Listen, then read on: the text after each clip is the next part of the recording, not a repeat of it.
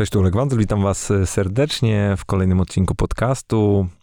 Dziś jest ze mną Tomek Chłodecki z Just Tag Group. Witam ciebie serdecznie. Cześć, dzień dobry. Fajnie być z wami dzisiaj. Właśnie chciałem ci powiedzieć, fajnie, że jesteś. Szybko nam się udało to zorganizować, więc e, bardzo tutaj winszuję. No zawsze, zawsze miło, nie mieliśmy się okazji poznać w sumie na, żywo wcześniej, zawsze gdzieś tam równolegle funkcjonowaliśmy, więc w końcu dobrze się spotykamy. Tak, to jest, to jest w ogóle najpiękniejsza część tego mojego podcastu, że mogę w jakimś stopniu e, tak znikąd, jak to lubię mówić, z biodra e, napisać do kogoś e, i, i po prostu zaprosić na rozmowę, bo wiesz co zauważyłem, nie, nie wiem jakie ty masz obserwacje w, w takim kontekście, ale nawet jak kogoś bardzo dobrze znam, bardzo trudno jest y, znaleźć taki czas i taką przestrzeń, takie środowisko, żeby z kimś po prostu w takiej formie porozmawiać. W sensie, nawet jakbyśmy znali się całe życie, to jakbym do ciebie napisał i mówię, słuchaj, wiesz co, to choć pogadajmy, wiesz, tak bardziej właśnie z dystansu, nie wiem, o życiu i zróbmy to, nie wiem, na półtorej godziny, to byłoby tak, wiesz, dziwnie, nie? I tak, jakby... wiesz, by, byśmy rozmawiali o tym samym, co już rozmawialiśmy wielokrotnie. Tak, Dokładnie tak, i pewnie by to zakładało jakiś alkohol i, i to nagle by się to wszystko rozmyło, nie? Więc, y, więc tym bardziej bardzo się cieszę, że, że jesteś i e, masz, słuchaj, wybór. Możemy najpierw pogadać o tobie, albo najpierw pogadać o twoim biznesie. To co wolisz? Mm, wiesz Dzisiaj co? mam dobry humor, więc jedźmy, jedźmy ode mnie, no to jest geneza jakaś, więc, więc jedźmy ode mnie. Super. Y, patrzyłem sobie, wiesz, tak jak powiedziałeś, funkcjonujemy w jakichś dwóch równoległych światach, e, mając o sobie nawzajem w jakimś tam stopniu pojęcie i, i właśnie twoją drogę też gdzieś tam obserwowałem, patrzyłem e, skąd się wywodzisz i, i tak jak trochę ci zajawiłem jeszcze właśnie przed startem, to w jakimś stopniu twoje CV takie modelowe, jeżeli chodzi o, o wiesz, y, osobę zarządzającą spółką technologiczną, bo masz epizod w PayPalu, masz epizod w Rocket Internet, e, potem budowałeś swoje doświadczenie, no, zakładam, w ramach zespołu Dirlango i teraz już zarządzasz jedną ze spółek portfelowych, więc no mm, jak ty się z tym czujesz w ogóle? Bo tak jak mówię, no jak, jakbym miał sobie wyobrazić jakiś taki modelowy przykład człowieka, który w Polsce ma w ogóle mieć cokolwiek związanego z jakimś startupem czy biznesem technologicznym, to mniej więcej tak sobie wyobrażam, nie? Duży amerykański startup, potem jeden z największych akceleratorów e, na europejskim rynku, po czym właśnie pierwsze szlify i już własne, własne poletko. Wiesz co, no... To tak, jest, to tak było? Jest to, na pewno zawsze, tak jak zawsze, to jest trochę doza przypadku, a trochę modelowania rzeczywistości i jakby jej kreowania samemu. W moim przypadku y, tak naprawdę to ja gdzieś zawsze miałem taką z tyłu myśl, odkąd zacząłem się zajmować w ogóle y, tym biznesem jako takim, y, że, że chcę mieć, chcę dojść do momentu, w którym będę zarządzał sam jakąś organizacją i będę ją rozwijał i będę w 100% odpowiedzialny za to. I oczywiście, jak, jak, masz taki cel, no to, to nie jest tak, że masz jasną ścieżkę do tego dojść, tak? Masz milion różnych scenariuszy, ale jak masz taki cel z tyłu głowy, no to naturalnie gdzieś tam podświadomie różnego rodzaju wybory życiowe, e, patrzysz, e, oceniasz z tej perspektywy, tak? Czy on cię przybliża do tego celu, czy cię oddala, nie? No i e, nie wiem, ja na przykład miałem taki, taki właśnie e, dokładnie moment, jak, jak kończyłem przygodę z Rocketem, że, że mogłem pójść do jakiejś tam dużej e, polskiej korporacji i i gdzieś tam mieć fajne pieniądze i, jakby fajne miejsce w tej strukturze i chyba w miarę tam ciekawą, ciekawą ścieżkę, albo mogłem pójść na znacznie bardziej niepewny grunt, znacznie w tamtym czasie mniejsze pieniądze i jakby zupełnie niepewną ścieżkę, czyli właśnie do, do Dilango w tamtym czasie. I, e, I dla mnie było to jasne, że w tamtym czasie nie patrzę na benefity tu i teraz, tylko patrzę, czy ten mój wybór gdzieś tam mnie przybliża do tej mojej, gdzieś tam, mojego celu gdzieś w przyszłości. Więc, więc jakbym powiedział, że to jest trochę miks, nie? W sensie miks mhm. tego, co, miks trochę szczęścia, wiadomo, i miks myślenia, posiadania jakiegoś tam celu w głowie od dłuższego czasu. Um, ale też ten cel się u mnie rodził w czasie, też jakby on się do, dookreślał w czasie, nie? W, w, w, moim życiu. To nie było tak, że ja się, ja nie wiem, skończyłem liceum, czy poszedłem na studia i pomyślałem sobie, że będę przedsiębiorcą, że będę, chcę mieć, e, chcę prowadzić firmę. W ogóle ja do, do tego też do, do, doszedłem w którymś momencie. I doszedłem to w ogóle w momencie w takim dziwnym, dziwnego kąta wszedłem na ten rynek w ogóle, bo ja w ogóle chciałem być dyplomatą kiedyś na początku. I, to świetnie ci poszło. Tak. I to jest mój życiowy sukces, tak. I, e, I chciałem być dyplomatą. Zacząłem studiować stosunki międzynarodowe nawet na, na, na, na, na, na UW. No i, e, ale wtedy zacząłem już od razu pracować na rynku, żeby trochę zarabiać na te studia i, no i zacząłem pracować już bliżej biznesu. Pracowałem w takiej agencji, która zajmowała się relacjami inwestorskimi na giełdzie w Warszawie, czyli pracowaliśmy dla różnych spółek e, giełdowych, żeby lepiej ich mówić o nich, lepiej sprzedawać ich akcje i tak dalej. No i wtedy zacząłem wchodzić w ten temat biznesu bardziej i wtedy zaczęła kiełkować mnie decyzja, to może ten, ta, ta dyplomacja to nie jest taka ścieżka, która, która powinna iść może jednak obok. E, no i wtedy, wtedy był taki jeden nawet przełomowy moment. E, w sumie, kiedy sobie pomyślałem, że, że jest, pracowaliśmy do takiego do słynnej, słynnego przypadku w sumie, mianowicie pracowaliśmy dla dla takiej rosyjskiej spółki, która swego czasu chciała przejąć e, główną spółkę azotową w Polsce, czyli Azoty Tarnów, która produkowała nawozy sztuczne wtedy. E, I, I była taka wielka afera, że Rosjanie chcą ukraść polskie, polski tutaj skarb narodowy, czyli właśnie spółkę produkującą te nawozy. No i my pracowaliśmy na tych złych wtedy właśnie i, i zrobiliśmy naprawdę kawał dobrej roboty, no bo nas napłacili. E, Czyli ale, złej roboty. No złej roboty z punktu widzenia tak, e, tutaj no, interesu państwa w tamtym czasie. E, A jak wiadomo, to jest najistotniejsze. Więc... Tak, no dzisiaj, no, absolutnie. więc się wyrzekam tej, tej, tej historii. Tak, ale w każdym razie to było tak, że, yy, że zrobiliśmy super robotę, w tym sensie, że ten, ten człowiek odpowiedzialny za tą transakcję wtedy, ten Rosjanin, on yy, naprawdę był na czołówkach gazet wtedy, tak? Był, staraliśmy się kreować jego pozytywny wizerunek w tamtym czasie. No i zrobiliśmy na kawał dobrej roboty. Ja tylko jak patrzyłem na te czołówki, które były naszym sukcesem, to miałem takie myśl, czy ja naprawdę zawsze całe życie chcę robić tak, żeby ten, żeby żeby mój sukces to było, że, żeby, że ktoś jest na tej czołówce tej gazety, czy, czy mam dążyć do tego, że ja sam jakby chciałbym być na, w tej gazecie, żeby, żeby być jakby twarzą tego sukcesu, tak? Czy chcę działać w pierwszej linii, czy chcę działać w drugiej linii? No i, i wtedy mm, e, ewidentna konkluzja w tym czasie była taka, że chcę działać w pierwszej linii bardziej, tak? No Be Benjamin Franklin powiedział kiedyś taką ładną rzecz, oczywiście tutaj będę parafrazował, bo, bo nie chcę makaronizmu wrzucać, ale mm, przekaz był tego taki, że jeżeli chcesz być e, w życiu zapamiętany, to mm, napisz coś, co warto czytać, albo przeżyj, jakby zrób coś, o czym warto pisać. dokładnie tak, dokładnie może tak. jak najbardziej tego pod Więc lepiej tworzyć historię niż, niż e, w tym przypadku opowiadać historię innych z mojej perspektywy. A, a, a jak wyglądało właśnie to dookreślanie? Bo mówisz, że w jakimś stopniu dochodziłeś do tej, do tej wizji. Była, nie wiem, jakaś osoba, która w jakimś stopniu cię, cię nakierowała na to, czy jakieś wydarzenie? Pamiętasz jakiś taki, wiesz, jeden hmm. punkt, który można by na tej osi wstawić? E, Wiesz co, do określania tej, tej wizji tak naprawdę mm, takim ważnym elementem było to, jak się dowiedziałem w ogóle, czym jest e, Dilango i co robi, co robi Łukasz Weichert w tamtym czasie.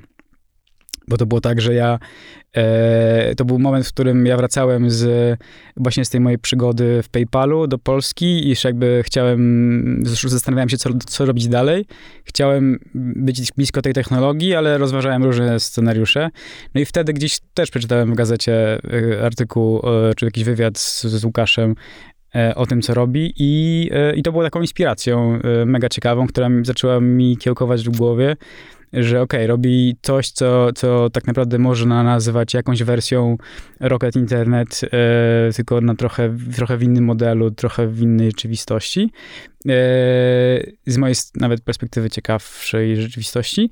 No i, i, on, on, i to było inspirujące do tego, żeby, żeby pójść w tym kierunku. E, więc taki moment e, był i, i ten moment zakiełkował od razu tym, że ja po przeczytaniu, po przeczytaniu tego artykułu napisałem maila e, pięć minut później na adres info.dilango.com e, mówiąc, że chciałbym się spotkać i pracować. I o dziwo to zadziałało tak naprawdę. To jest w ogóle niesamowite i to ludzie bardzo często mm, w ogóle na tym etapie odpadają, bo z jakiegoś powodu albo nie chcą właśnie tego, tej wiadomości wysłać, albo, albo z jakiegoś powodu odczuwają jakiś tam dyskomfort. To jest niesamowite, jak wiele rzeczy jesteś w stanie załatwić, slash osiągnąć, pisząc na randomowe skrzynki. Tak, absolutnie tak. I mówiąc wyraźnie, czego chcesz. Tak, to, tak, to, nie, to przede wszystkim, no tak. no to zawsze. Dokładnie. Jest... Więc y, no, absolutnie. To mi, ja tak naprawdę, tak naprawdę y, z perspektywy czasu, patrząc na moją historię, może jedną mm, pracę tak naprawdę, jakąś jedną pozycję zawodową uzyskałem przez jakąś aplikację, w tym sensie, że wysyłałem gdzieś swoje zgłoszenie i ktoś mnie w ten sposób analizował spośród innych kandydatów. Wszystkie inne moje przygody polegały na tym, że rzeczywiście się sam zgłosiłem, powiedziałem, no to ja, jestem tutaj, chciałbym coś za was zrobić i jakby wydaje mi się, że jest w tym duży potencjał, nie? I róbmy.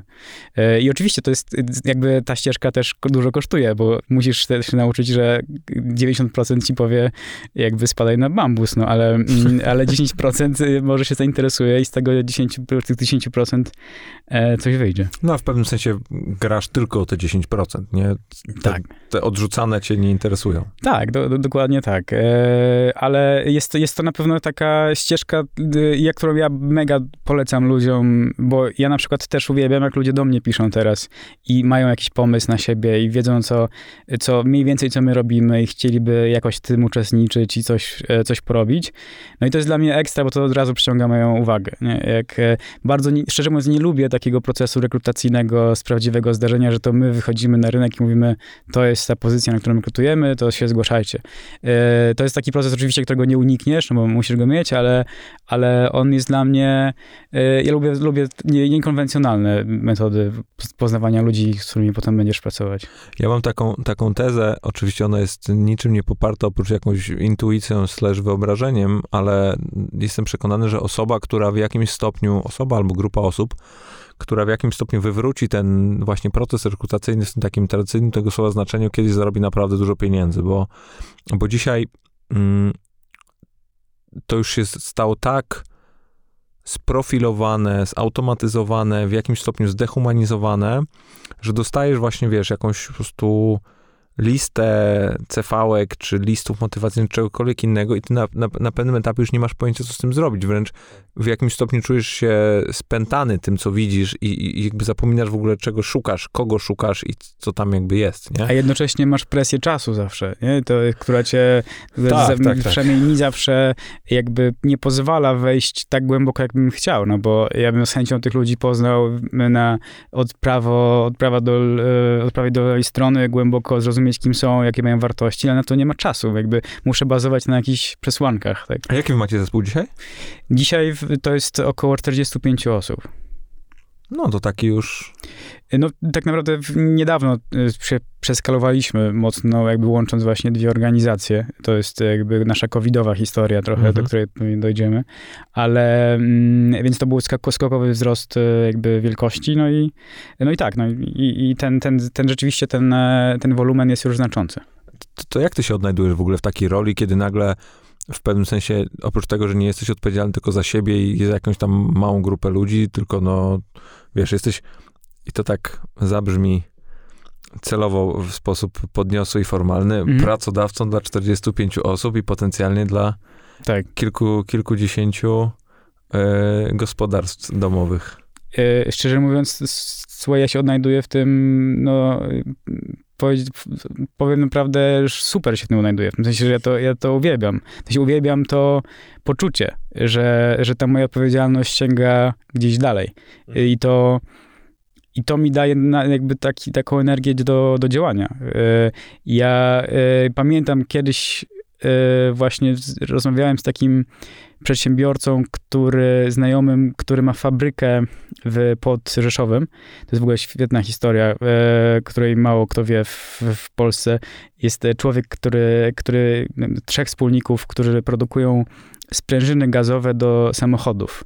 Czyli jak otwierasz bagażnik, to masz sprężyny gazowe, które ci otwierają ten bagażnik.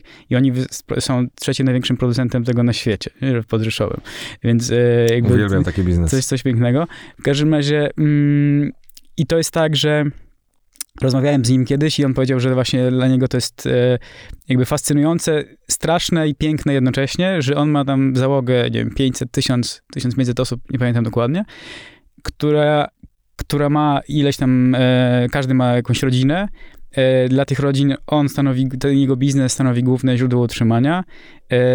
E, To jest nieduże miasto w Podrzeszowem, gdzie tak naprawdę ta, ta, ci pracownicy stanowią dość dużą, istotną część całej populacji i masz wrażenie, że od, od twoich decyzji trochę, od twoich em, zdolności, od, od twojego skupienia, twojej, twojej atencji, zależy tak naprawdę nie tylko los twojego, twojego stanu, twojego konta, ale tak naprawdę szerzej, jakby całej społeczności lokalnej.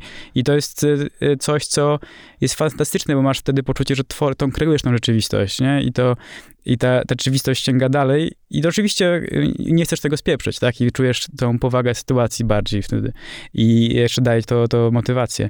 E, ja uwielbiam takie sytuacje, kiedy, mm, kiedy wychodzi, że na przykład, nie wiem, ludzie, z którymi pracuję, e, ludzie, ludzie w moim zespole rozmawiają o naszym biznesie, nie wiem, ze swoimi rodzinami, potem się spotykamy w jakimś szerszym gronie i widać, że, że oni, te, te rozmowy gdzieś tam rezonują, nie? że to, to jest dla nich ważne, że to, to się gdzieś tam przy kolacji jako temat, temat pojawia.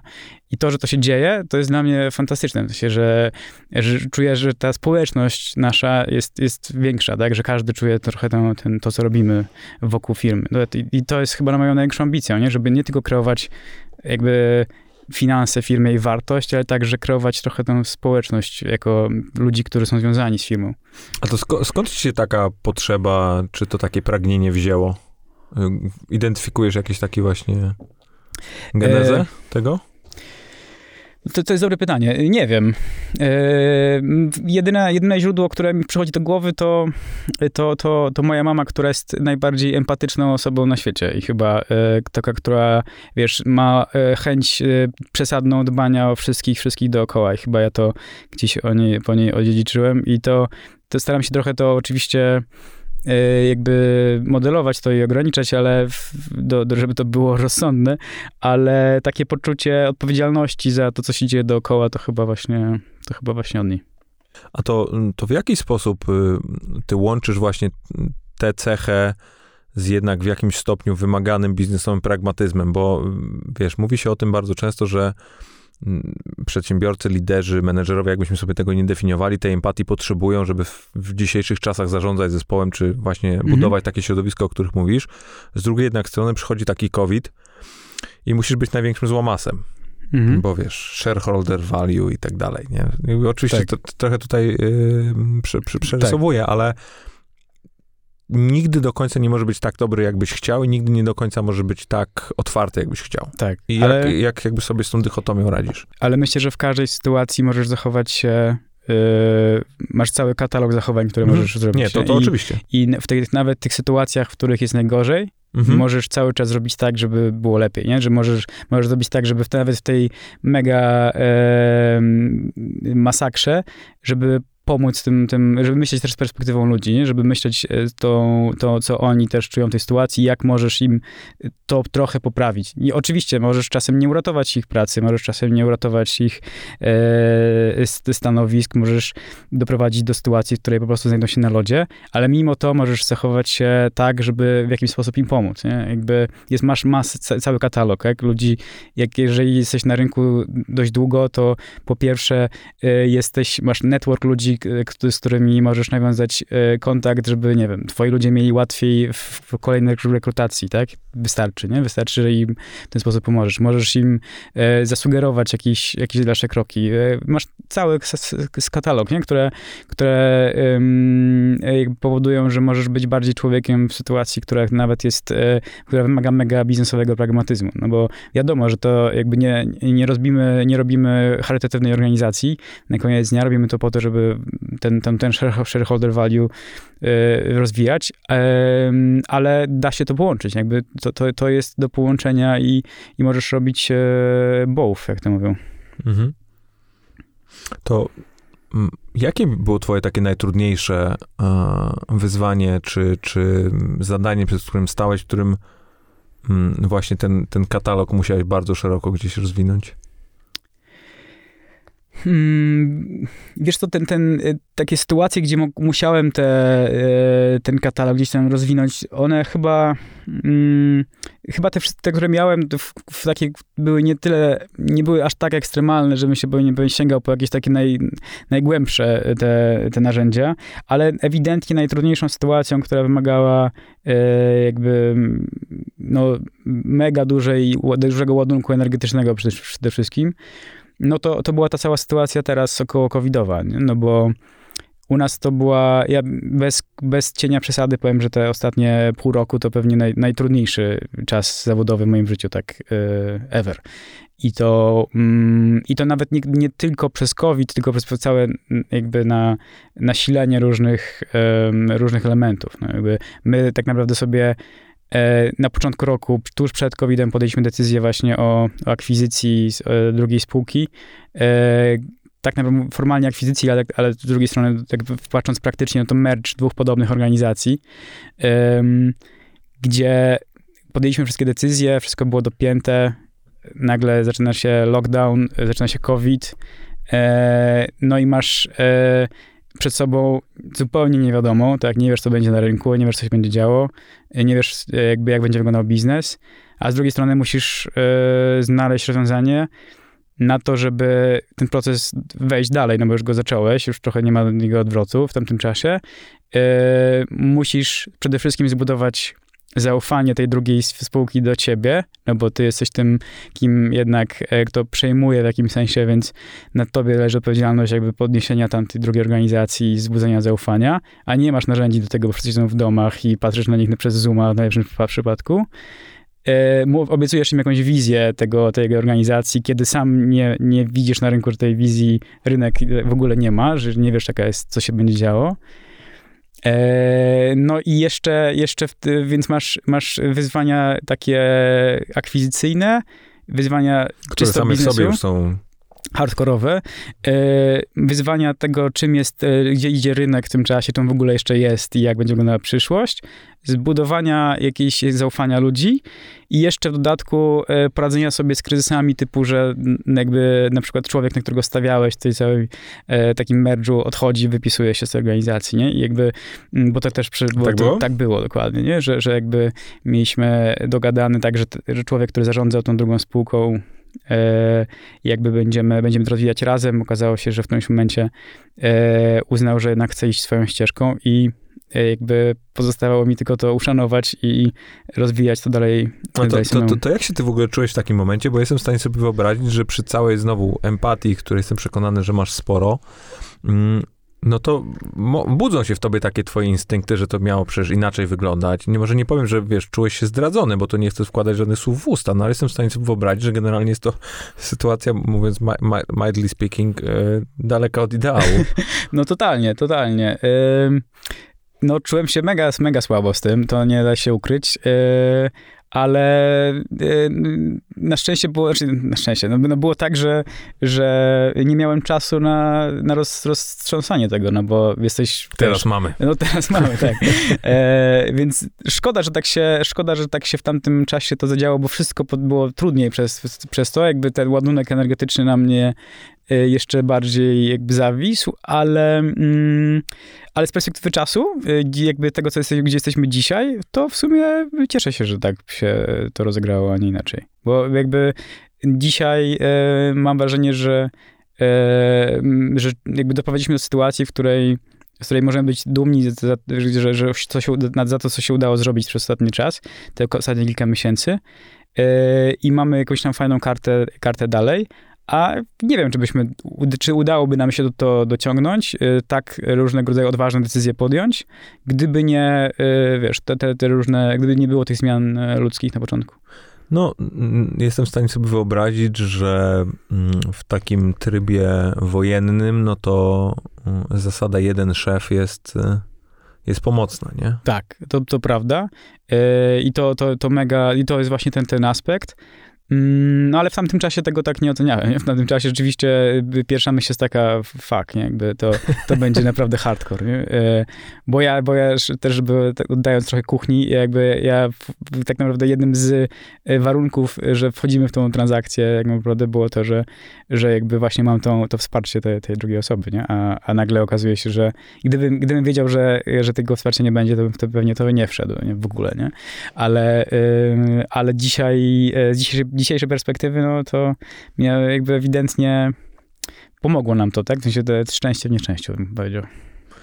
To jak już w sumie zaczęliśmy ten temat y, biznesowy, to na pewno bym cię bardzo poprosił, żebyś takim, wiesz, jednym zwięzłym zdaniem naszym słuchaczom opowiedział tak naprawdę, jak ty definiujesz swój biznes, bo mhm i jakby ktoś wpisał waszą firmę w Google, to wyskoczy pięć różnych definicji, każda mhm. jest w pewnym sensie do jakiegoś stopnia prawdziwa. Tak. jestem bardzo ciekawy, czym tak. według ciebie wy jesteście dzisiaj. No, my jesteśmy taką e, firmą, która ma ambicje e, pomagać naszym klientom lepiej e, wydawać pieniądze na reklamę w internecie, żeby, żeby wydawali te pieniądze efektywniej. Czyli tak naprawdę gromadzimy dużo danych o zachowaniach użytkowników po to, żeby, e, żeby następnie reklamodawcy, nasi klienci mogli efektywnie docierać do tego, kogo, do tych ludzi, którzy go szukają, kto mają, kogo mają szansę, e, kto, kto ma szansę kupić ich produkt czy usługę, a po drugie, są w stanie zanalizować efektywność swoich działań znacznie lepiej niż, e, niż bez nas. Czyli to takim, e, czyli z jednej strony dane do targetowania kampanii, e, które są unikalne, pozwalają wejść głębiej, pozwalają wejść, e, właśnie nie, nie przepalać pieniędzy, e, tylko jakby zrozumieć, do kogo chcesz dotrzeć, do, dotrzeć do tych ludzi konkretnie.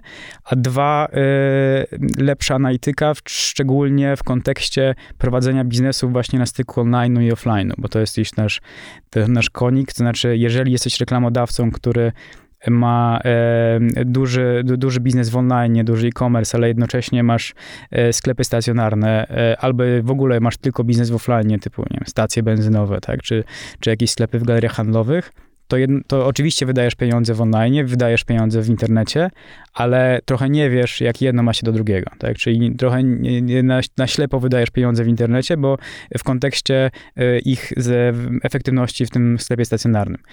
A my pomagamy zrozumieć, kto zobaczył kampanię w internecie, następnie pojawił się w sklepie stacjonarnym. Czyli jeżeli taka stacja benzynowa chce y, dotrzeć z ofertą yy, wiem, nowego hot doga, tak, to, to tak naprawdę my jesteśmy często jedynym pomostem, który pomoże im pokazać, to złotówka wydana w, w internecie na tą kampanię przyprowadziła X e, efekt na, na stację benzynową w postaci ruchu klientów, którzy się tam pojawili. Nie?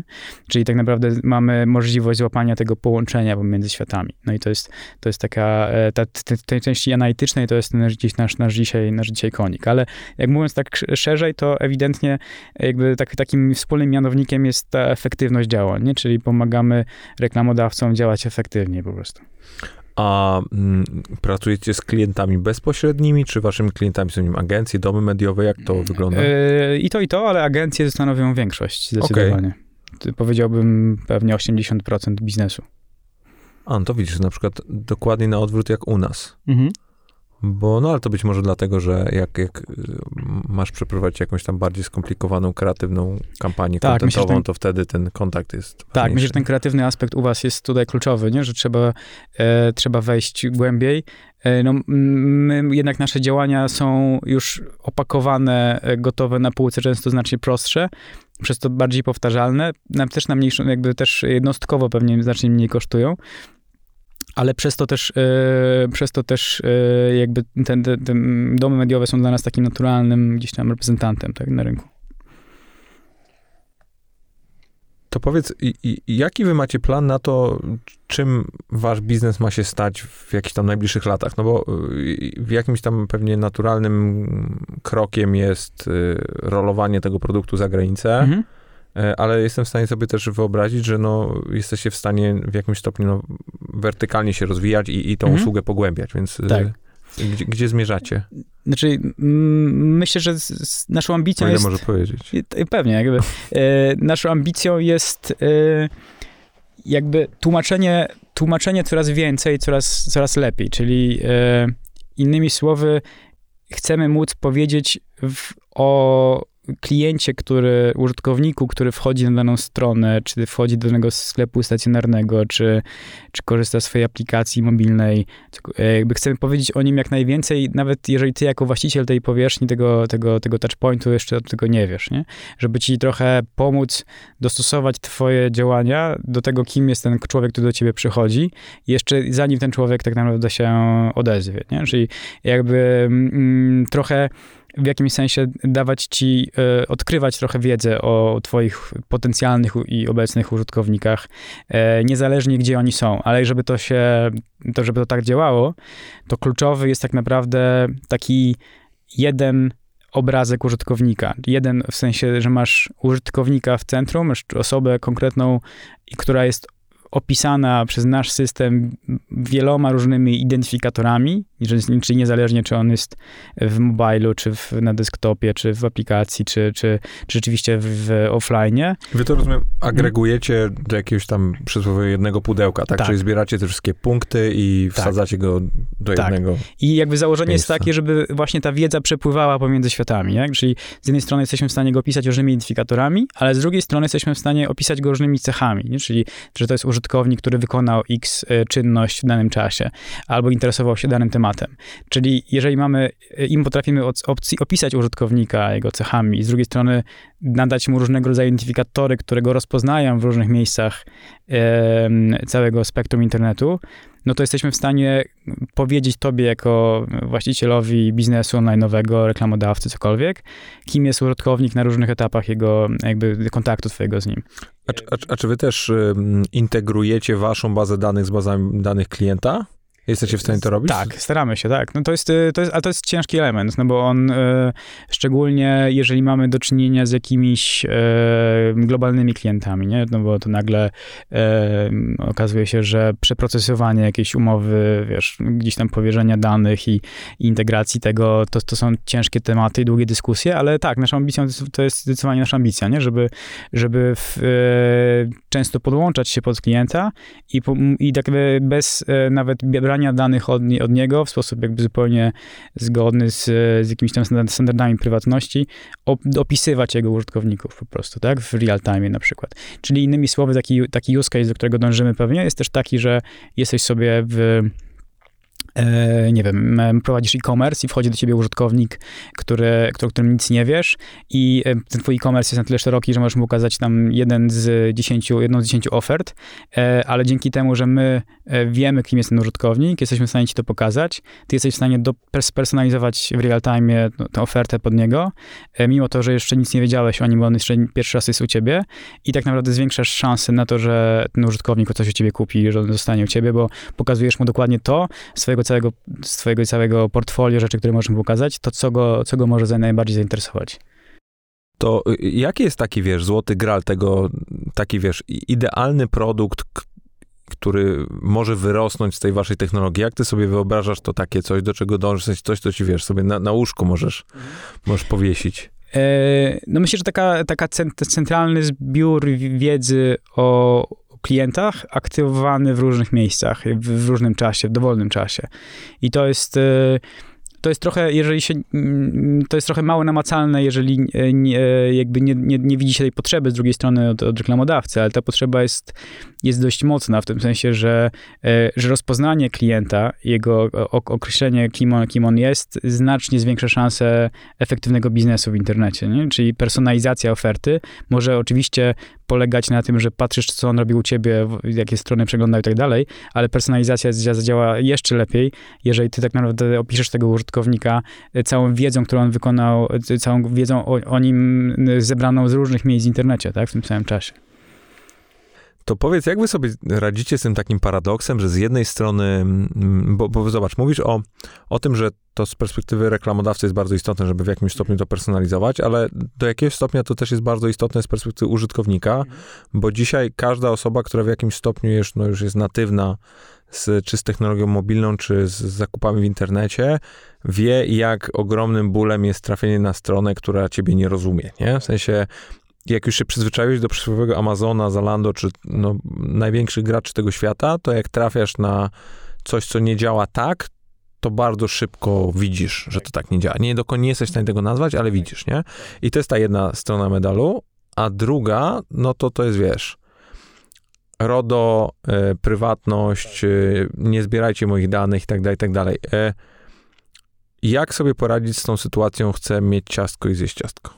Albo na odwrót, zjeść ciastko i mieć ciastko. To jest, to jest e, punkt, e, w punkt pytanie, bo myślę, że od tego, w jaki Taki, sposób... Wiesz, billion dollar question dokładnie, nie? Zależy od tego, jak się znajdziesz na tej osi, e, jak się spozycjonujesz na tej osi, możesz albo wygrać, albo przegrać, tak? Jakby i to właśnie twój sukces na koniec dnia w tym biznesie polega na tym, jak się tam tutaj zdefiniujesz. I bo tylko najgorsze jest to, że ty, się, ty możesz się definiować na tej osi, którą kosiłeś, czyli po jednej stronie super wartość dla klienta, użytkownika, z drugiej strony prywatność i jakby ochrona danych.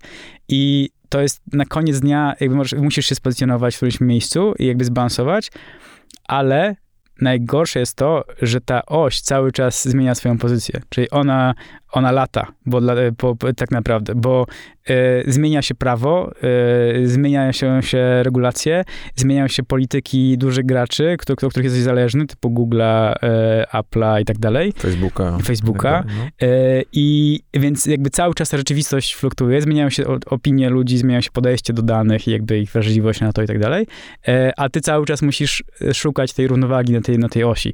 I ja e, chciałbym wierzyć, że jest taki sweet spot, w którym się możesz znaleźć, ale, tak, ale to jest zbyt naiwne, w sensie nie ma tego sweet spotu.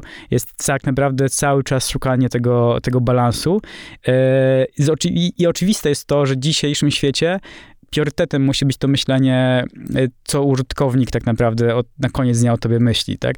Czy użytkownik, e, który dzieli się swoimi danymi, myśli o tobie jako firmie, która coś tam analizuje o tym użytkowniku jako o graczu złym, czy jako coś, co, kto robi krzywdę, czy coś komuś, o, o kimś, kto dostarcza jakąś wartość. I to jest jakby taki basic question, na które musisz sobie gdzieś trzeba w tym sobie biznesie odpowiedzieć. I bo absolutnie są gracze, są, są na całym świecie, którzy obstawiają różne strategie, tak? Niektórzy mówią I don't give a fuck, tak?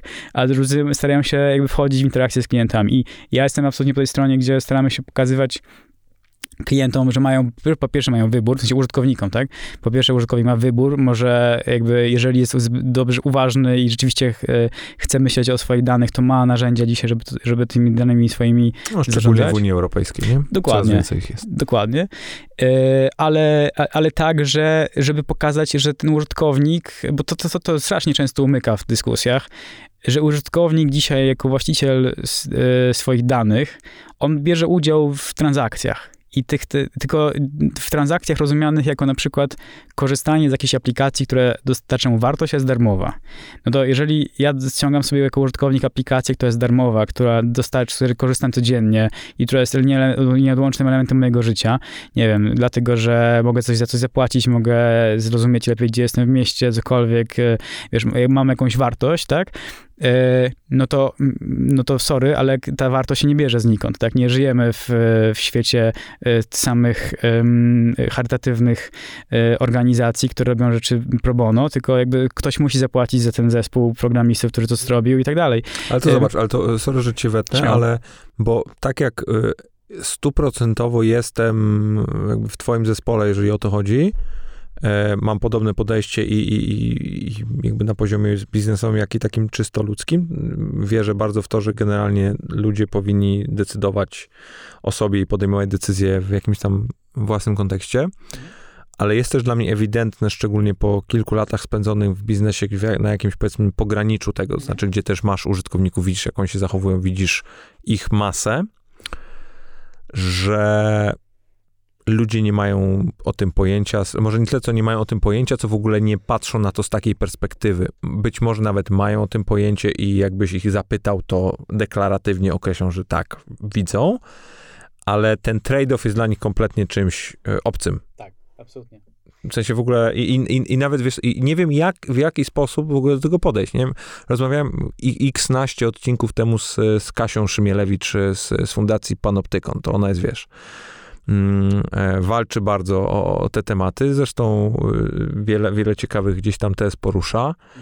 Mm, I, I to są właśnie, wiesz, tak, są jakby dwa te obozy, jeden jest taki skrajnie radykalny po jednym, drugi skrajnie po drugiej. I w pewnym sensie, jak wziąć tego użytkownika, który faktycznie chce dostać ten spersonalizowany produkt, bo innego wkurza, a z drugiej strony, no nie chce być, wiesz, nie chce być manipulowany pod kątem jakichś tam własnych wyborów. No i tutaj, i, i nagle się to, wiesz, wszystko zaciera i I ja bym chciał mieć odpowiedź na twoje, na twoje No, pytanie, ja- ja to jak tak, ale, sobie tak ale to trochę- jest hardkorowa, hardkorowy case i, i to jest jakiś dylemat naszych czasów, y, który, mm, z To- którym... mam poczucie wręcz, sorry, że mm, y, nikt, albo dobra, mm, daleko idąca teza, ale już niech będzie, że mało kto tworzy, y, jakby z osób tworzących te platformy, no, o których przed chwilą powiedziałeś, miał w ogóle pojęcie, że coś takiego dojdzie.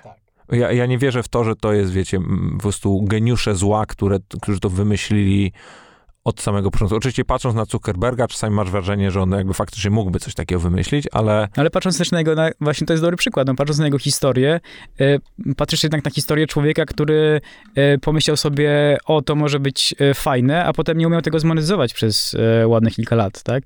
Przecież e, jakby on, on pewnie czuł jakby jaka jest wartość tego, ale nie miał pojęcia jakby jak na tym zarabiać. Jakby do, do, aż do momentu, w którym tak naprawdę zaczęli mocno partycypować w tej w całym świecie programatycznym, tak? I, i to, to był jakiś tam e, mocny punkt przełomowy w ich historii, więc ym, masz rację, że, że jakby ludzie nie zdawali sobie sprawy, myślę, że też na początkach wielu tych biznesów, o których dzisiaj mówimy, że, że z ich zasób danych o użytkownikach będzie taką e, taką bronią, w, tak, tak, tak ogromną bronią w dzisiejszych czasach, nie? No bo y, doprowadzili do sytuacji, w której to jest jeden z, z kluczowych asetów, jaki mają, który jest naprawdę atomowym arsenałem.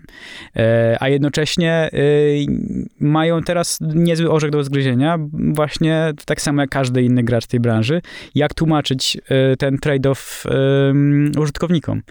I RODO było jakimś takim punktem, gdzie to się, ta dyskusja się zaczęła, ale ja myślę, że to był w ogóle tylko początek. Jakby jakby taki e, czubek góry lodowej w tym Ale dyskusji. Y, o ile mam poczucie, że RODO wykonało naprawdę kawał dobrej roboty od strony takiej czysto formalnej, prawnej, w rozumieniu chronienia tych użytkowników i wprowadzania wielu jakichś tam regulacji, które, wiesz, nie wiem, prawa do bycia zapomnianym i tak dalej. Jest, jest kilka ciekawych punktów, które są dobre to bezwzględnie się wyłoży, jakby ten proces, projekt ustawodawstwa, jakbyśmy tego nie definiowali, wyłożył się kompletnie na czymś, co no, jakby w startupowy, po startupowemu bym powiedział user experience, nie? W sensie RODO jest najgorszą rzeczą z perspektywy konsumenta, jaką możesz sobie wyobrazić i jestem przekonany, że bardzo wiele osób y, mogło, taką jestem w stanie sobie wyobrazić hipotetyczną scenkę, w której ktoś patrząc na to jest w stanie sobie powiedzieć, że i tak wygląda ochrona mojej prywatności, to ja to pierdolę, nie? Tak, bo... bo Jak to e, zrobić dobrze? No to, to, to prawda. Jest, no żyjemy, żyjemy w świecie, w którym teoretycznie na papierze wygląda to dobrze, bo, bo koncepcyjnie to działa, ale w rzeczywistości e, tam jest jeszcze jeden element. W rzeczywistości, w rzeczywistości to, to człowiek tutaj, jego dzisiaj sposób życia jakby jest też jakimś tam jakąś przeszkodą w realizacji tej, tej szczytnej misji RODO tak naprawdę, no bo to na koniec dnia to, to nam jako użytkownikom nie chce się wchodzić w szczegóły, tak? Nie mamy na to czasu, wolimy polecieć tam po zgodach, e, klikać e, tylko po to, żeby dostać to, co chcemy, nie na koniec dnia. I e, to, więc to, to też jest tak, że my jesteśmy i nasz sposób ży życia jest jakimś tutaj też jednym z czynników, dlaczego ta sytuacja wygląda tak, a nie inaczej.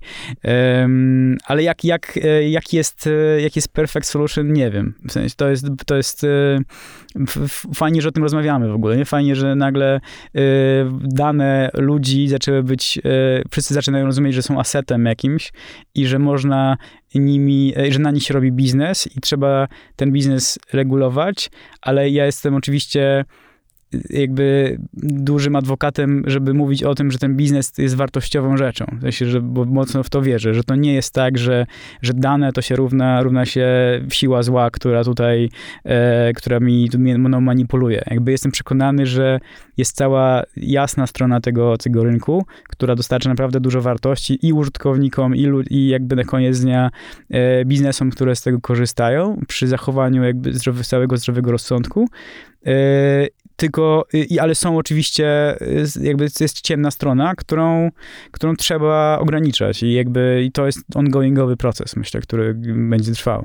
A powiedz, wy dzisiaj technologicznie już jesteście na, na tym poziomie, że w jakimś stopniu tworzycie te modele predykcyjne użytkowników, że to już nie jest taka czysta analiza, ale również w jakimś stopniu no, tak, tak, tak, tak, tak. uczenie jest, się tego? Jest to też duża, duża część naszego biznesu, e, budowanie modeli, które szukają podobnych e, użytkowników, starają się, się w jakiś sposób przewidzieć e, zachowania użytkowników. No i jest to naturalny proces e, rozwoju dla nas, ale już dzisiaj istotna część biznesu, tak. To, bo, bo to jest część tej historii, która jest dla mnie z jednej strony niesamowicie ekscytująca, z drugiej strony jest to taka część, której w jakimś stopniu się trochę boję i to nie przez historię typu tam Cambridge mhm. Analytica i tego typu rzeczy, tylko to faktycznie chyba jest ta gałąź, która potencjalnie w jakimś stopniu może się wymknąć spod kontroli. Przynajmniej ja, ja tak Mhm. o tym myślę. Nie, nie wiem, wiesz, nigdy, nigdy nad tym nie siedziałem, nie prowadziłem takiego biznesu, ale e, kiedy jakby coś zaczyna się uczyć o tobie, no to może pójść w różnych kierunkach, nie? Mhm. I niekoniecznie Tak, dobrych. Tak, to I. I nie mówię nawet, że w waszym przypadku, bo jednak wy to macie, mm, te modele, o których mówimy, no to będą jednak w bardzo, w jakimś tam stopniu zamkniętym środowisku, które ma bardzo określony cel, Tak. którego efekt finalny w żadnym jest, jest niegroźny. W sensie to jest, czy kupisz napój tutaj, czy tam przysłowiowo, czy Tak. buty tutaj, czy tam. Tak, to nie jest kwestia tego właśnie, na kogo zagłosujesz, z kim się zwiążesz, czy... Tak. No ale jak, Mhm. jak najbardziej jakby ten, ten obszar takich e, dylematów, na które, e, takich pytań, na, o których powiedziałeś, dotyka. E, I, I to też kolejna, kolejna fascynująca charakterystyka naszych czasów, nie? że zaczynamy, jesteśmy pierwszym, pierwszą generacją, która musi się z tym zetknąć tak na poważnie, znaczy nie tylko na poziomie książek science fiction, ale rzeczywiście na poważnie, w jaki sposób regulować prawnie i organizacyjnie całą e, sferę sztucznej inteligencji. I jestem przekonany, że to jest, to jest nie, to nie tylko ważne biznesowo, ale to jest ważne Nie, dla całej ludzkości. cywilizacyjne, tak, nie? Tak, tak. W tym sensie, że to pewnie, ja bym, ja bym powiedział, że to jest taki przełomowy punkt w ogóle historii ludzkości e, w ogóle. I to tak, jestem do tego absolutnie przekonany. I od tego, jak sobie z tym poradzimy, naprawdę zależy cała bardzo dużo. I to, e, to, to, to, jakby nawet sobie pewnie trudno nam wyobrazić konsekwencje tego, nie? Ale, ale jak, nie wiem, jak ja czytam e, jakby różne rzeczy w tym, z, tego, z tego obszaru, to czy, czy Hawkinga, czy, czy innych, którzy gdzieś tam w tym, w tym świecie mm, myślenia o AI i jakby myśl, zastosowań tego mm, w przyszłości, myślenia, jakie są konsekwencje, byli, na, byli jeszcze do niedawna na, jakby na czele tych, tych dyskusji, no to, to, to mm, te, te wnioski z tych, tych, ich przemyśleń są, są, są mega e, smutne, bym powiedział, nie? To jakby zaskoczyła mnie, pamiętam, jedna z takich teorii, którą właśnie Hawking chyba e, propagował, e, jak jeszcze żył, że jest, jest teoria, że ludzkość, czy, że życie na e, różne formy życia dochodzą do po prostu do momentu, w, w, w którym e, doprowadzają do samozagłady.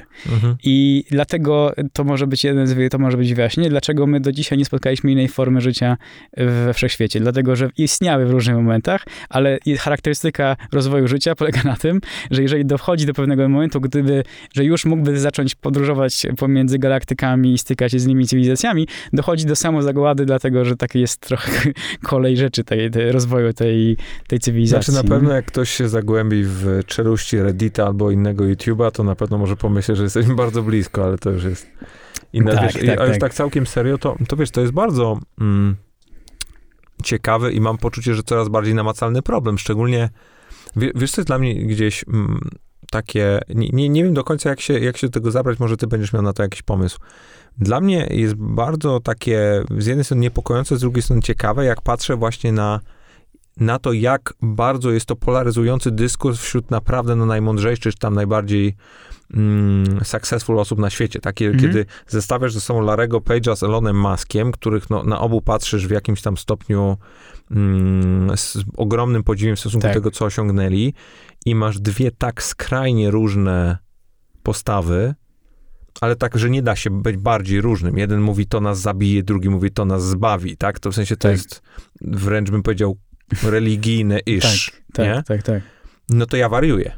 W tak. sensie nie, nie, nie wiem, i to to wiesz, to tak jak powiedz, jakbyś się kłócił, wiesz, w sensie kogo wybierasz, mamę czy tatę, nie? W sensie, To prawda. Y, No i to- no to jest, y, to jest dramatyczne, no tak jak mówisz, bo, y, bo ci ludzie mm, i ta para tak naprawdę definiuje ludzkość, dużym, to co robi definiuje ludzkość na wiele lat do przodu. Ale ja bym na to spojrzał pozytywnie, w sensie, że sam fakt, że są, jest, jest szansa na to, że, że jest ta jasna strona, że jest człowiek, który mówi je, nie, no spoko, nie martwcie się, jakby ogarniemy to i jakby będzie to na naszą, to naszą, będzie naszym asetem, a nie naszym e, gdzieś na, naszym pasywem, no to e, to znaczy, że jest też taki scenariusz. Jakby, i jakby i wydaje mi się, że ludzkość w ogóle dzisiaj żyje w bardzo czarno-białym świecie, żyjemy w bardzo czarno-białym świecie, nie? W sensie mamy łatwość e, wpadania w jedną lub drugą teorię. My jesteśmy republikanami, demokraty, demokratami, jesteśmy PiSem, jesteśmy PO i tak dalej, jesteśmy, obieramy je czarną albo białą ścieżkę, a moim zdaniem e, jakby świat jest na szczęście bardziej skomplikowany, nie? Że na szczęście nie musimy być, e, powiedzieć jednoznacznie i jakby sobie skazać się na porażkę albo być super optymistami tylko, nie? A to bardzo fajne powiedziałeś. Na szczęście świat jest bardziej skomplikowany. Takie na przekór trochę, co? Yy, tak, no bo to, to w, w, tym trzeba znajdywać też yy, jakąś nadzieję, no bo yy, wiesz, jakby jak, jak słucha się populistów dzisiaj na świecie, no to, to słuchając ich można, yy, można dojść do wniosku, że albo zmierzamy do, w kierunku zagłady, albo, albo jesteśmy w, w świecie płynącym, miodem płynącym, tak? I to i to jest, e, i to jest jakby to, nieszczęście, jakby pokazywanie, e, bo, bo ludzie jakby przez to, że właśnie jeszcze tak, co powiedzieliśmy wcześniej, żyjemy tak, jak żyjemy, w ekstremalnie szybkim tempie, ekstremalnie e, obładowani informacjami, to to jest dla nas super wygodne, nie? Powiedzenie, okay, no to, ja, to jest teoria biała, dla mnie teoria biała się spina, to ja wszystkie moje myśli, wszystkie wątpliwości będę patrzył, będę analizował przez perspektywę teorii białej i mam ogarnięty świat, mam go wyjaśniony. Normalnie taka Biblia e, e, jakby współczesności, nie? Że, że mi tłumaczy co wszystko, co się dzieje. I jakby, a na szczęście nie, nie musi tak być. Możemy, możemy mieć, możemy się zgadzać z jednym, a możemy się zgadzać równocześnie w innym temacie z, z gościem numer dwa, tak? I możemy mieszać, możemy być kimś, e, kto, kto jakby jest po środku i to jest, um, myślę, że to jest jakaś taka nadzieja w tym wiesz, wiesz co, ja nawet bym powiedział, że to wcale nie do końca musi oznaczać po środku, bo to bardzo często też... A może być ponad to no, raczej, no, no, tak, Nie, tak. mi chodzi o to, nie, nie w sensie możesz być takim, wiesz, zygzakiem, nie? Że od tak, prawa tak. do lewa i to oczywiście nie mówię, że zawsze tak, ale, ale w jakimś stopniu to nie jest tak, że lecisz po jednej linii. Tak, w pełni się zgadzam. To jest lepsze powiedzenie, tak. Bycie takim zygzakiem. Nawet miałem dzisiaj taką myśl, jadąc do ciebie, że e, tak jak miałem taką chwilę refleksji, że mało dzisiaj zjadłem i ludzie, e, ludzie dzisiaj mają, jest takie świetne powiedzenie, że jesteś tym, czym jesz, nie? A ja, ja dzisiaj jestem ciekawą mieszanką, która odpowiada właśnie odpowiednie obecnej rzeczywistości, mianowicie jadłem wegańskiego hot doga na Orlenie. I to jest taka, e, jestem jednocześnie liberałem, jednocześnie LGBT, a jednak prawica, nacjonalizm i tak dalej. Więc jestem... E, I globalizacja. I globalizacja, bo... tak, tak. Więc... E, jak jeszcze byś, wiesz, zjadł z jakimś sosem tutaj azjatyckim, to już w ogóle Tak, tak, dokładnie. Więc, więc bycie tym, tym zygzakiem jakby powinno być jakby nadzieją, tak? I, i myślę, że jest, no. E, słuchaj, to jak ty sobie mm, radzisz y, albo co robisz, aby w tym naszym świecie nie zwariować? Właśnie skąd, nie wiem, wiedzę czerpiesz, albo czy masz jakieś takie patenty albo pułapki, które na siebie zastawiasz, żeby właśnie nie, mhm. nie, nie wpadać w te sidła polaryzacji, mhm. jeżeli można tak powiedzieć? E, I wiesz, to zawsze... E ja, to, jest, to, to jest super pytanie, dlatego że możesz odpowiedzieć na nie, e, wiesz, jakimś, że sobie masz jakiś tam system, po czym jakby spojrz, jak spojrzysz jeszcze raz, to może się okazać, że ten system też jest pochodną, że wpadłeś w jakąś pułapkę, nie? Że, że tak naprawdę on jest pochodną jakiegoś twojego wyboru na początku, nie? Ale e, ja jakby czuję się szczęściarzem, dlatego że e, wydaje mi się, że jestem odporny na teorie spiskowe. I to jest coś, to jest coś co myślę, że jest wartością w dzisiejszym świecie. I, e, i one dają, to, to mi daje dużo spokoju ducha, e, tak naprawdę. W sensie, jak ktoś mi przychodzi i opowiada, jaki, jaki świat jest straszny, to ja mam do tego dystans. W sensie, mam jakby, e, staram się widzieć to w, w trochę bardziej lepszych barwach, nie? No bo staram się weryfikować fakty, staram się sprawdzać, ok, to skąd to, skąd to się wzięło. Ale oczywiście wpadam jak każdy inny czasem jakieś takie mm, pułapki, że że y, coś, coś mi ktoś powiedział, coś, coś widziałem, y, wiesz, słynne y, delfiny w Wenecji podczas, podczas pandemii, tak, że w sensie nie wiem, czy widziałeś. nie, ja, ja taki... ostatnio, ja pięć dni temu wpadłem na fokę w Bałtyku i to już, w sensie to, no, to ja we wszystko tak. uwierzę. No, no. Fokę w Bałtyku. Tak. Przy brzegu. Żywą fokę. No to jest Albo dzisiaj, lwa morskiego, nie wiem, dzisiaj, to dzisiaj jest to... e, Przerażony byłem, Jezus Maria. Piękny widok. Spieprzałem jak dziki. No więc, y, więc jestem w każdym razie. Delfiny w Wenecji. tak, dokładnie. Więc w każdym razie jestem, jestem staram się łapać dystans do, do rzeczywistości. Mega mi pomaga to, że staram się czasem odcinać od, od dawki informacji i staram się przypominać sobie, że, że przeładowanie informacji jest czasem gorsze niż deficyt informacji. I to yy, i oczywiście deficytu inf- informacji bardzo nie lubię i lubię być na bieżąco, ale yy, czasem czuję, że, że jestem, moja efektywność i mój ładunek jakby energii życiowej maleje wraz z, z przeładowaniem informacjami. Zaraz y, przejdę do jakiegoś mojego odkrycia, które mi, bo, bo mam dokładnie ten sam problem y, i, i to mi strasznie w jakimś stopniu w tym pomogło, ale mm, tak tylko w jakimś stopniu uzupełniając to, co powiedziałeś, miałem ostatnio z moją mamą rozmowę na ten temat, bo akurat gdzieś, gdzieś byliśmy, byliśmy razem i, i zobaczyłem, jak, jakby od czego ona dzień zaczyna. I wiesz, ona siadała, robiła śniadanie, robiła sobie kawę, odpalała tam, nie wiem, telefon czy tablet i wchodziła na jakiś, wiesz, duży portal, czytała pierwsze pięć newsów, w których generalnie ten umarł, tego zabili, to Tak. wybuchło, tam ten jest chory, po czym wchodziła na, e, na update, wiesz, covidowy, Tak. co, gdzie, ile osób i tak dalej, i tak dalej. I wiesz, i ona przez godzinę była przygnębiona, nie? Ja Tak. mówię, jak masz nie być przygnębiony? Jak masz nie, masz nie przejmować? Przecież jesteś dokładnie w tak, jak jeszcze właśnie jesteś empatyczną osobą, to przecież wszystko, co będziesz robił dokładnie, to Podkłada żył tym, to co tobie, nie? przeczytałeś, nie? Dokładnie. I ja mówię, po co ty to czytasz? No przecież wiesz, wie- wielka, wielka dyskusja na ten temat, ale, ale dla mnie to jakby chyba, chyba pierwszy raz od, od dawna tak naocznie zobaczyłem Tak. E, Bo, bo jednak wiesz, masz tendencję do w jakimś stopniu przestawania z ludźmi, którzy mają bardzo podobne nawyki do ciebie, więc wiesz, ja, ja zawsze się śmieję, że ja nie znam ludzi, którzy oglądają telewizję w jakimś tam stopniu, nie? Ale to nie jest nieprawda, bo jest ich wciąż x milionów i Tak.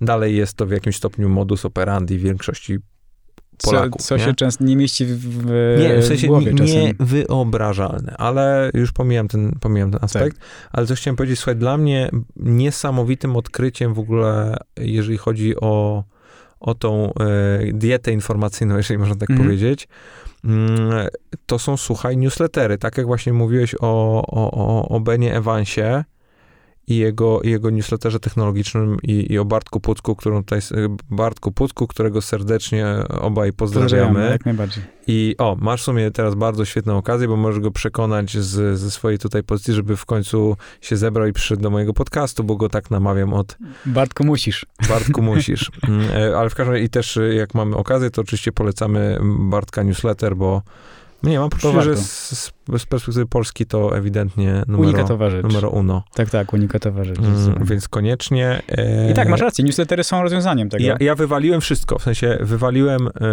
społecznościówki, nie wchodzę na, na jakby jakiekolwiek strony newsowe, nic tego typu. Mam zasubskrybowane, myślę, że z 8 newsletterów, w tym Axios, Prorata i e, Morning Brew. Mhm. I to są dwa, które są daily, które mi dostarczają no, a x informacji o, o tam stanie ekonomii i jakby biznesu, plus o jakichś tam transakcjach w segmencie nie wiem, funduszowym. Mhm. Więc mam wszystkie informacje, które są istotne dla mnie, żeby tak jakby być w miarę up to date, Mhm. wiedzieć, co się dzieje, w sensie kto kupił TikToka, Tak. te sprawy, Tak. bardzo ważne rzeczy. E, I dwa czy trzy jeszcze takie, które w jakimś stopniu update'ują mnie już troszeczkę rzadziej na temat te jakichś tam, które mnie interesują, które albo w jakimś stopniu chcę je pogłębić. I, I zauważyłem, że jeżeli jest coś, co faktycznie jest istotne, to to i tak do mnie dociera. Mhm. Jeżeli jest coś, co za, zagraża mojemu życiu, to dostaję SMS-y rządowe, więc jest, jest okej Działa. działa, e, a nie mam kompletnie całego tego ładunku, wiesz, tych takich negatywnych emocji, które na Tak. przykład Twitter mi dostarczał, nie? Jak u ciebie traktuję tylko w kategoriach właśnie jakiegoś tam medium mm, push, Tak. nie? Gdzie wypycham jakiś swój content, czy jakieś rzeczy, które są dla mnie istotne. I założyłem sobie drugie konto, gdzie nie mam w ogóle żadnych, obs- nie, nie mam żadnych obserwatorów. Mhm. Obserwuję chyba z 15 czy 20 kont, też w jakimś określonym tematyce. Mhm.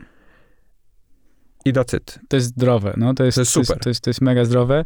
E, jeżeli tylko mamy wystarczająco, wystarczająco konsekwencje, żeby się tego trzymać, to to naprawdę jest ekstra. Ja na przykład się tylko z newsletterami, no łapię się na tym, że że, że mi się czasem odkładają, nie kumulują mi się. W tym sensie, że e, i to jest taki, taki aspekt, że jak już, okej, okay, mam, mam chwilę, to potem wpadam w taką pułapkę, że e, znowu akumuluję sobie tą wiedzę z kilku tam newsletterów, no i znowu jakby to nie tak, no jakby to mhm. nie, znowu nie, nie tędy droga.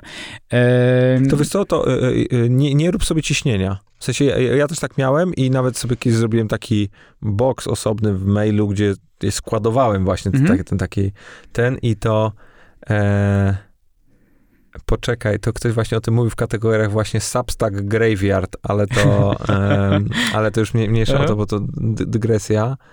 E, ale i, i, jakby powiesz, a nigdy do tego nie wracasz, chyba, że no właśnie masz jakiś bardzo określony mhm. cel, to po prostu y, im szybciej pogodzisz się z tym, że nie musisz wszystkich tak, przeczytać tak, i wszystkich skonsumować, to jest w ogóle super. To prawda, no, to prawda. Takie FOMO masz, nie? Ja też, ja też się lubię y, spotykać z ludźmi, którzy są mega poinformowani. Na przykład... Y, no, mam, to, to, to jest super. To jest, to jest ekstra. Wiesz, spotykasz się na piwo i masz wrażenie, że nie wiem, nagle z, mój przyjaciel na przykład jest mocny w branży energetycznej i ja po tym piwie, po 15 minutowym dodajcie czuję się ekspertem rynku energetycznego, nie? I to jest, to jest zajebiste.